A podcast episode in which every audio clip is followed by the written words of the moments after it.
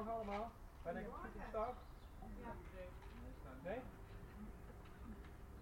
Nee, kan ik iets harder praten, maar kan ik ook de microfoon aanzetten? Staat aan.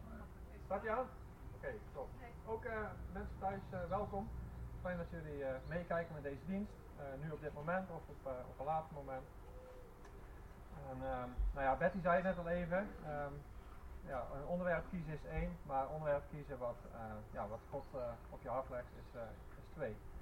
En eigenlijk in aanloop naar vandaag toe uh, zijn er wel een aantal onderwerpen in me opgekomen. Ik dacht, nou, dat, uh, dat zou mooi zijn om daarover te spreken. Uh, dat past ook ja, wel een beetje in de lijn waar we als gemeente staan. Maar eigenlijk bij ieder onderwerp ehm, ja, was het alsof God zei van, nee, dit, dit wordt het niet. En nou goed, de tijd die vorderde en ehm, nou, deze datum komt steeds dichterbij. Dus op een gegeven moment begon het wel een beetje te kriebelen. Ik dacht, ja, het wordt wel tijd dat ik nu een onderwerp ga ontvangen van God wat ik ja, kan gaan voorbereiden. Nou, uiteindelijk op, uh, op Pinksterochtend werd ik wakker. En ja, er kwam herstel, mijn eerste liefde in me op. En dat voelde wel meteen als een bevestiging van dit is het onderwerp ja, waar je over mag spreken. En nou, ik was rustig aan opgestaan, ik had wat aantekeningen gemaakt. En eigenlijk, nou ja, in een half uurtje tijd kwam eigenlijk het hele verhaal eruit gerold. En dat is ook heel mooi om te zien hoe God dan ja, dat leidt en uiteindelijk ja, dat zo, zo uitkomt. Um, ja, het lied uh, Reckless Love, dat, uh, dat sprak mij net heel erg aan, van Gods roekeloze liefde voor ons. En wat wij ook hebben gedaan, wat er ook is gebeurd, God blijft altijd van ons houden. Maar God heeft ook een heel sterk verlangen. En dat is ook al de laatste tijd wel vaker voorbij gekomen. Uh, ook bij de, de thuisgroepleidersbijeenkomst afgelopen donderdag hadden we het daarover.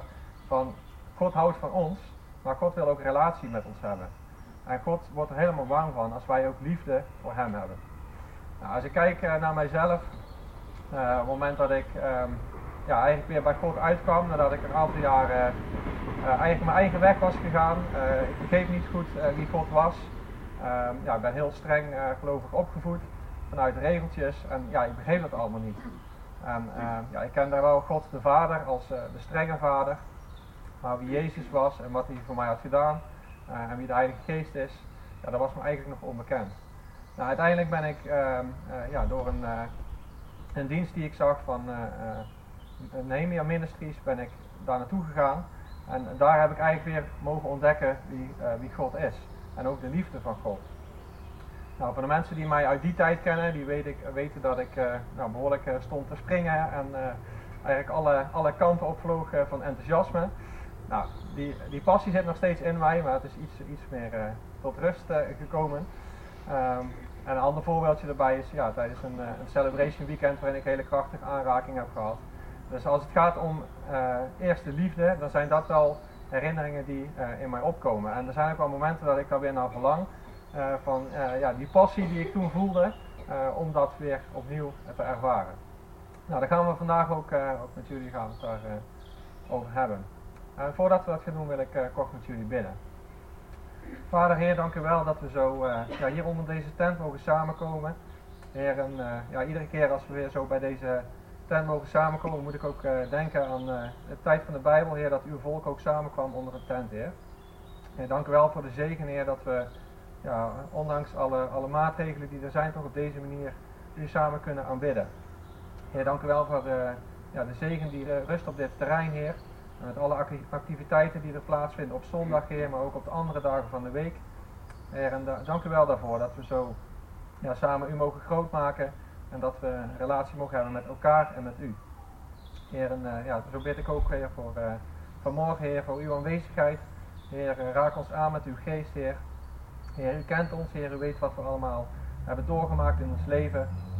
Heer, en ja, ik ben ervan overtuigd dat u dat ook wilt gebruiken. Heer, dat u dat wilt gebruiken zodat we anderen kunnen bemoedigen.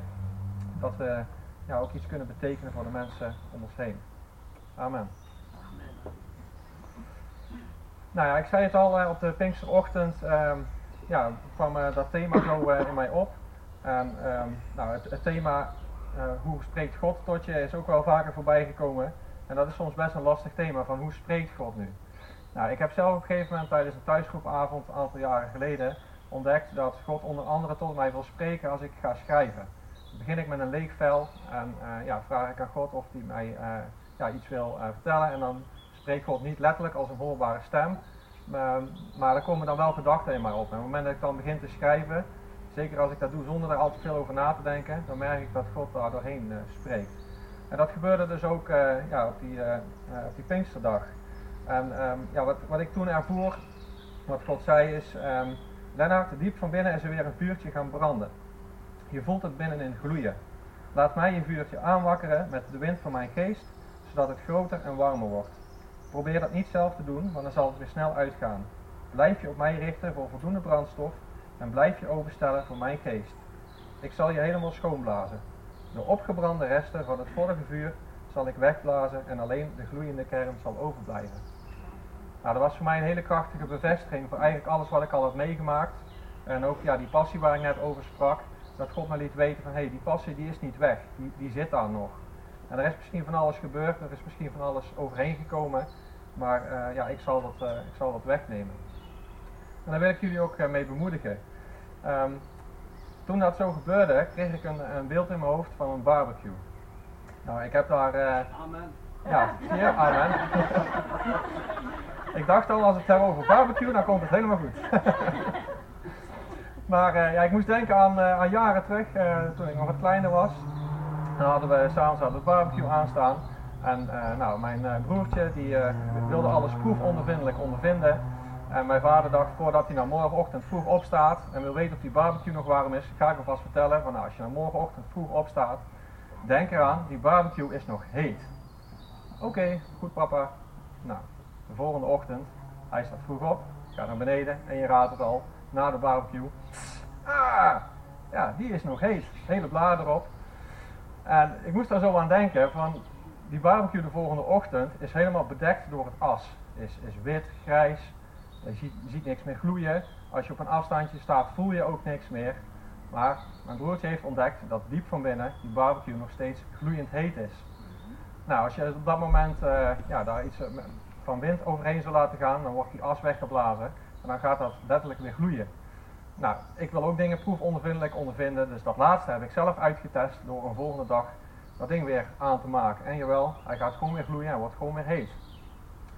En toen ik daar zo aan dacht, denk ik ja, dat zijn eigenlijk wel hele mooie stappen. En uh, ik heb al vaker gezien dat God uh, ja, in de natuur, uh, in de elementen van de natuur, ja, alles, van alles wat terug laat komen eigenlijk uit hoe God wil werken. En daar zijn uiteindelijk vijf stappen uitgekomen. En die stappen die ga ik met jullie doornemen. Nou, de eerste stap is wat ik net al even zei, is geloof en vertrouw erop dat er diep van binnen nog steeds een vuur in je zit. Dus de passie, als je die passie misschien niet meer voelt, want als je hem nu wel voelt, is dat natuurlijk helemaal prima. Maar het kan zomaar zijn dat er van alles is gebeurd, van alles op je pad is gekomen, uh, waardoor je die passie gewoon wat minder voelt. En dan mag je erop vertrouwen dat dat diep van binnen er nog steeds is. En dat is ook goed om daar samen met God tijd uh, ja, in door te brengen, om uh, die passie ook weer te gaan ervaren. Er kan natuurlijk van alles gebeurd zijn. Uh, er kan zijn ziekte, er kan zijn de angst om ziek te worden. Ehm, denk aan lichamelijke klachten, geestelijke klachten, geen werk hebben, eh, geldproblemen, relatieproblemen, opvoedingsproblemen. En zo kan ik die lijst nog veel langer maken, met waar je misschien allemaal wel mee te maken hebt. En dan kan het zomaar zijn dat uh, ja, de passie die je ooit gevoeld hebt, uh, ja, dat die een beetje lijkt uitgedoofd. Maar vertrouw erop dat diep van binnen die passie nog steeds aanwezig is. Ik wil even een moment van uh, stilte nemen met jullie. Om even stil te staan bij de passie die jij voelt voor God.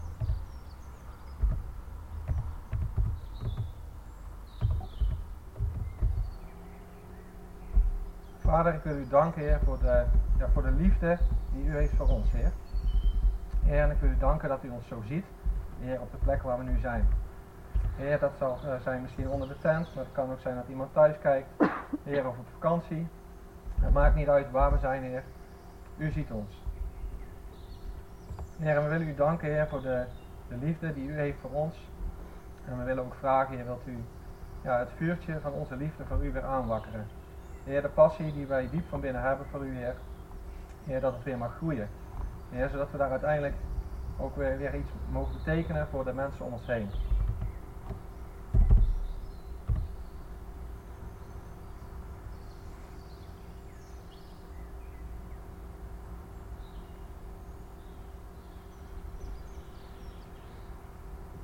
Heer, en ik wil ook zo bidden, Heer, dat u ons, ons aanraakt, Heer.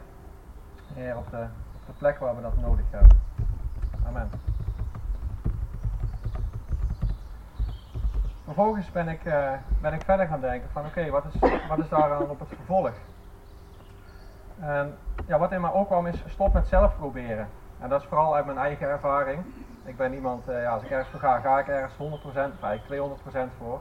En dan ga ik dat heel hard proberen. Dus als ik die passie of die liefde wat minder voel, dan ga ik van alles doen. Alle goede dingen doen. Maar dan merk ik ook van op een gegeven moment ben ik uit eigen kracht bezig. En dat kost gewoon heel veel energie. En ik voel wel dat, dat um, ja, God me ook liet weten van nou, ga gewoon ontspannen. Ga gewoon in die rust. En dan komt dat uiteindelijk vanzelf. Wat ook belangrijk is, zolang uh, ja, die as en die resten van het vorige vuurtje, oftewel van ons verleden, van alles wat we hebben meegemaakt, nog alles bedekt, is het ook goed om daar rekening mee te houden op het dat wij in relatie staan met anderen.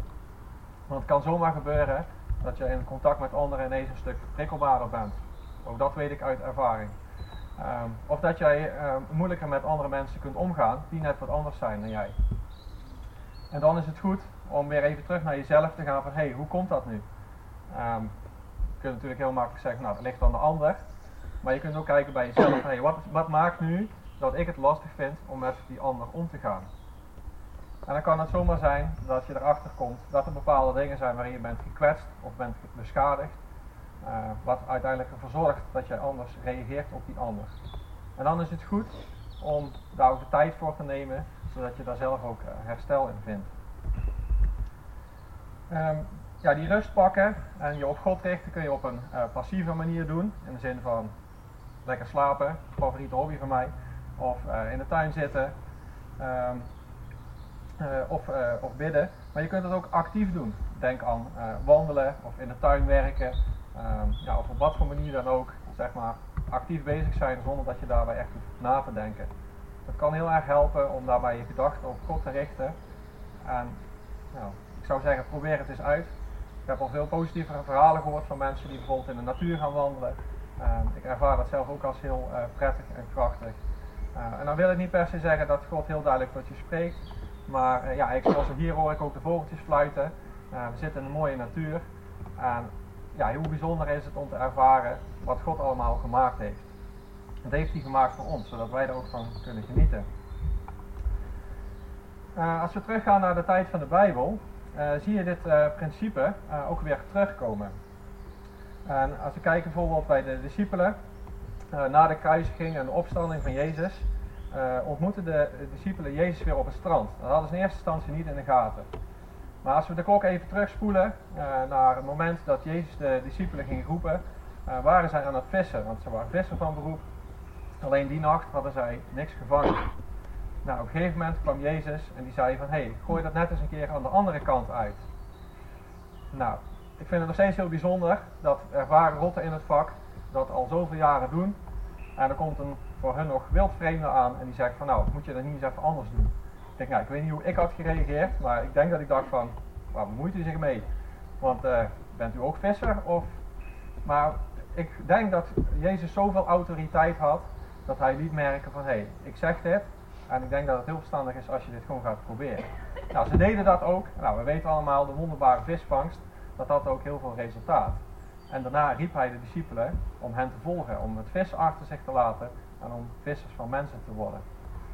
Nou, als we dan weer kijken naar dit moment, uh, na de opstanding, zijn de discipelen op een gegeven moment weer gaan vissen. Nou, daar kun je natuurlijk van alles uit afleiden. Dat zou bijvoorbeeld kunnen betekenen dat ze op dat moment uh, een beetje ontmoedigd waren ze hadden allerlei ideeën over Jezus, dat hij koning zou worden, dat hij uh, ja, de, de vijand uit het land zou drijven en dat hij letterlijk op de troon zou gaan zitten. En nou, uiteindelijk sterft hij aan het kruis. Hij staat ook weer op en daarna heeft hij zich een aantal keren laten zien. Maar de vissers, of de discipelen waren weer als vissers aan de slag gegaan en ook die nacht hadden ze weer niks gevangen. En op een gegeven moment komt daar voor hun weer iemand aan die zegt van hé, hey, Misschien kunnen jullie dat ook eens aan de andere kant proberen. Nou, op dat moment gaan er allerlei belletjes rinkelen van hé, hey, dit hebben we eerder gehoord. En ze hebben al vrij snel door dat het Jezus is die hen weer komt opzoeken. Nou, op dat moment vangen ze weer heel veel vis. En als ze bij de kant komen, zien ze Jezus daar eh, op het strand zitten bij een vuurtje. En Jezus vraagt om vissen die hij op dat vuurtje, oftewel de barbecue, lekker kan branden. Zodat het uiteindelijk een lekker knapperig visje wordt. Dus het idee van de barbecue is niet origineel. Dat bestond al veel langer. Maar wat ik hier uithaalde is dat, ehm, eh, ja, dat Jezus zeg maar, dat principe van vuur ook toen al gebruikte. Want vervolgens gaat hij in gesprek met onder andere Petrus. En hij vraagt aan Petrus, houd je van mij? En Petrus die wordt daardoor geraakt. En daarna vraagt Jezus dat nog een keer. Petrus, houd je van mij? En vervolgens nog een derde keer. Ik zal dat stukje even uh, met jullie doorlezen. Het staat in uh, Johannes 21, vers 9 tot en met 17. En ik lees het voor uit de Basic Bijbelvertaling. Toen ze aan land waren gekomen, zagen ze daar een vuurtje met vis en brood erop. Jezus zei tegen hen, geef mij een paar vissen die jullie net hebben gevangen. Simon Petrus ging aan boord en trok het visnet het land op. Het zat helemaal vol. Er zaten 153 grote vissen in. En hoewel het er zoveel waren, scheurde het visnet niet. Jezus zei tegen hen, kom en eet. Niemand van de leerlingen durfde hem te vragen, wie bent u? Want ze wisten dat het de Heer was. Jezus nam het brood en gaf het aan hen. Hetzelfde deed hij met de vis. Dit was de derde keer dat Jezus zich aan zijn leerlingen liet zien nadat hij uit de dood was opgestaan. Toen ze klaar waren met eten, zei Jezus tegen Simon Petrus: Simon, zoon van Jona, houd jij meer van mij dan de anderen? Simon zei tegen Jezus: Ja, Heer, u weet dat ik van u houd. Hij zei tegen Simon: Voed mijn lammetjes. Toen zei hij voor de tweede keer tegen hem: Simon, zoon van Jona, houd je van mij? En hij zei tegen Jezus: Ja, Heer, u weet dat ik van u houd. Jezus zei tegen hem: Voed mijn schapen. En voor de derde keer zei hij tegen Simon: Simon, zoon van Jona, houd je van mij? Petrus werd verdrietig dat hij hem dat voor de derde keer vroeg. En hij zei tegen Jezus: Heer, u weet alles. U weet dat ik van u houd. Jezus zei tegen hem: Zorg voor mijn schapen. Ja, ik weet dat uh, als ik deze tekst uh, las, dat ik dat best wel lastig vond. Dat, dat Jezus hem zo confronteert eigenlijk. Uh, want dit is natuurlijk ook een verwijzing naar de verloochening van Petrus. Op het moment dat hem gevraagd werd voor je bij Jezus, dat hij tot drie keer toe zegt, nee, ik ken hem niet. Maar Jezus doet dit niet voor niks. Nou, als ik kijk vanuit mijn werk, ben ik veel bezig met het geven van trainingen aan mensen in de zorg. En dan komt het ook, uh, uh, gaat het ook over ervaringen uit het verleden. Uh, als je moeilijke dingen hebt meegemaakt of trauma's. van hoe dat uiteindelijk verwerkt kan worden. En tot mijn verbazing zijn de principes die bekend zijn in de psychologie als het gaat om behandeling van trauma's. een aantal principes die ook hier in deze situatie terugkomen. En dat is natuurlijk ook logisch. God heeft ons geschapen. Die heeft onze hersenen gemaakt. En die weet precies hoe wij in elkaar zitten. Maar de hele setting, zeg maar er is een vuurtje gemaakt. En ook als je leest zeg maar, in de Bijbel, de momenten dat uh, Petrus Jezus verloochent, wordt er ook gesproken over een vuurtje. Dus voordat Jezus die vragen stelt, ziet Petrus het vuur. Hij hoort het knetteren van de vlammen. Hij ruikt de rook en hij voelt de warmte. Al zijn zintuigen zijn daarin betrokken. Vervolgens vraagt Jezus hem drie keer: Houd je van mij? Nadat hij drie keer heeft gezegd dat hij Jezus niet kent uiteindelijk laat Jezus hem ervaren dat Petrus nog steeds van Jezus houdt. Jezus wist dat al, maar het was ook belangrijk dat Petrus dat zelf weer ging ervaren. En daarbij krijgt hij ook de opdracht die hij kreeg. Bij de eerste wonderbare visvangst, vissers van mensen worden, krijgt hij hier weer opnieuw. En dan in de vorm van hoed mijn schapen. Dus Jezus herinnert hem ook weer terug aan het moment van zijn roeping. Uh, dus en daarin zie je zeg maar het herstel van die eerste liefde zie je heel duidelijk naar voren komen. De passie die Petrus had, en Petrus staat er ook onbekend, uh, die stond altijd vol van passie en stond overal vooraan. Uh, ja, die was hij eigenlijk weer een beetje kwijtgeraakt door alles wat er gebeurd was. Maar Jezus wakkert dat weer aan in zijn hart en geeft hem weer een opdracht zodat hij weer verder kan. En zo wil ik ook aan jullie vragen, denk eens na over één of meerdere situaties waarin jij iets van die eerste liefde uh, bent kwijtgeraakt. Of waarin misschien iets van die eerste liefde is uitgedoofd. En ondertussen wil ik vragen of uh, Ben uh, Herstel mijn eerste liefde aan wil zetten. dus even een, kort moment van bezinning. Probeer eens even na te gaan. Ga misschien even terug naar een moment van je bekering, of een moment van je doop, of een ander moment dat je hebt gehad met God, waarin die passie, die liefde heel sterk was. En denk eens na, daarna of er situaties zijn geweest waarin je iets van die liefde bent kwijtgeraakt. Dan mogen we God ook vragen, en de Heilige Geest ook vragen, om ons daarin aan te raken. Om ons te laten ervaren, houd je nog van mij?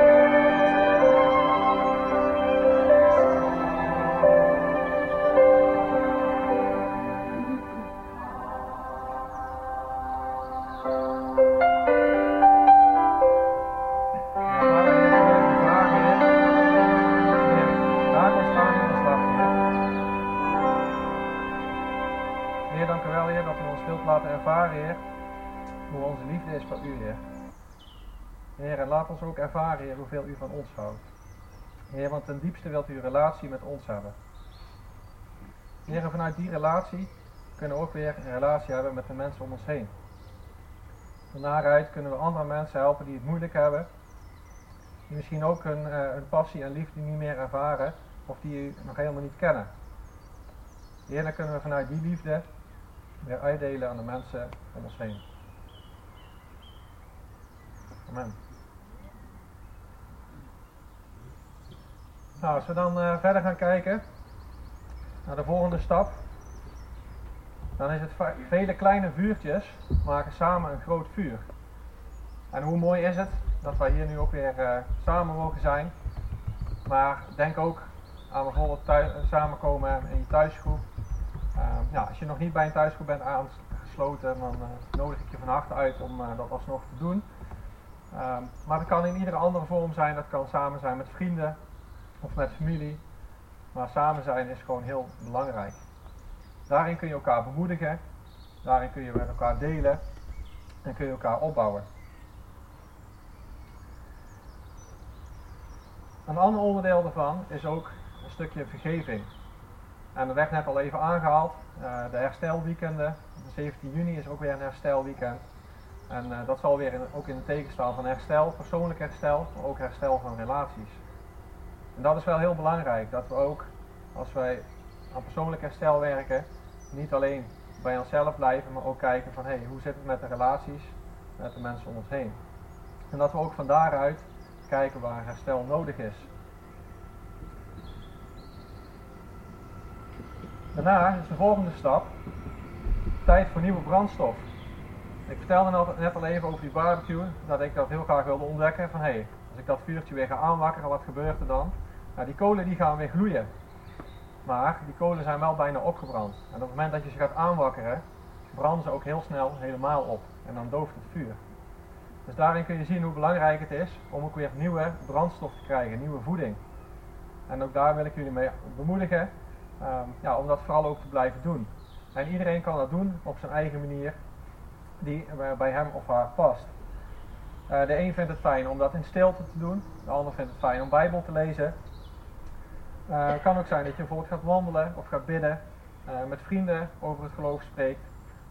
dat je meegaat naar de bidstond op maandagavond, of dat je naar je thuisgroep gaat of je daarbij aansluit. Maar iedereen is anders en God weet dat. En God houdt ook rekening mee hoe jij bent. Dus hij wil relatie houden met jou zoals jij bent. En dan is het mooi als je kunt ontdekken ja, hoe God dat met jou samen wil gaan opbouwen. Dan volgens de laatste stap is laat het vuur zichtbaar zijn voor de omgeving.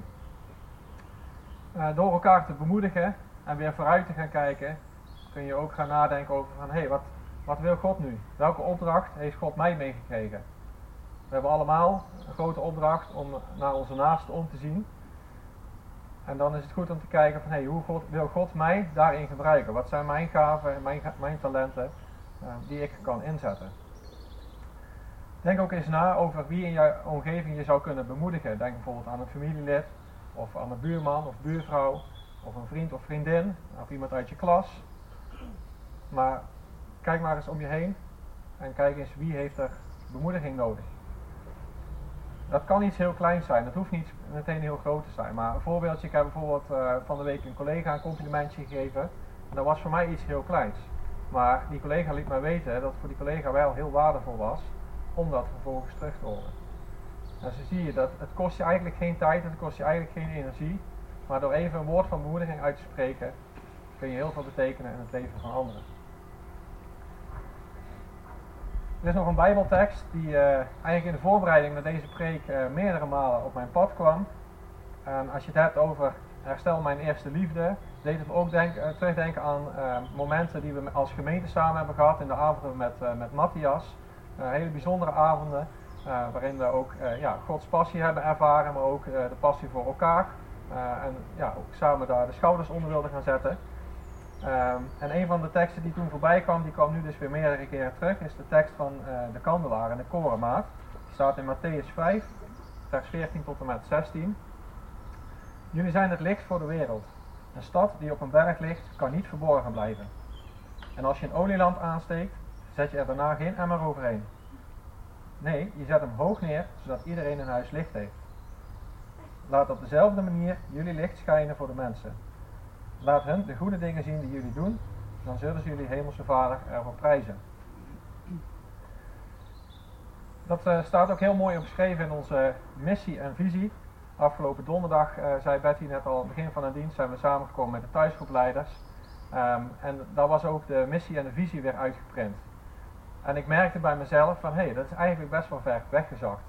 En die is door ons allemaal samen tot stand gekomen, onder andere ook die avonden met, uh, met Matthias. En uiteindelijk is dat samengevat in de missie en de visie. En ik denk dat het goed is om die visie weer even erbij te pakken, want daar komt dit heel mooi in terug. Onze visie is dat we als commissie, als plaatselijke kerk, samen willen aanbidden tijdens deze samenkomsten. Dat we bij elkaar willen komen voor verdieping en dat we uit willen reiken als familie naar de mensen in onze omgeving. En dan komt hij letterlijk, als kerk willen we zichtbaar zijn in onze omgeving. Dus we willen ons licht laten schijnen. Door te focussen op onze omgeving, door iets te organiseren in de buurt, door het hebben van letterlijk open deuren, zodat mensen hier kunnen binnenlopen, door ons open te stellen naar de mensen om ons heen en door samen het verschil te maken in de omgeving door maatschappelijke impact. En heel veel ervan gebeurt natuurlijk al. Denk ook aan het Helpcenter. Denk aan alle andere initiatieven die er zijn. Maar ik geloof ook dat uh, deze periode van herstel niet alleen een periode is van terugkijken, maar vooral ook een periode is van vooruitkijken. Dus dat herstel is heel belangrijk, want als we zonder herstel verder gaan, ja, een, uh, een soldaat die gewond is, die stuur je ook niet naar het front, die moet eerst herstellen. Maar uiteindelijk is het herstel van die soldaat wel tot doel om vervolgens wel weer naar dat front te gaan.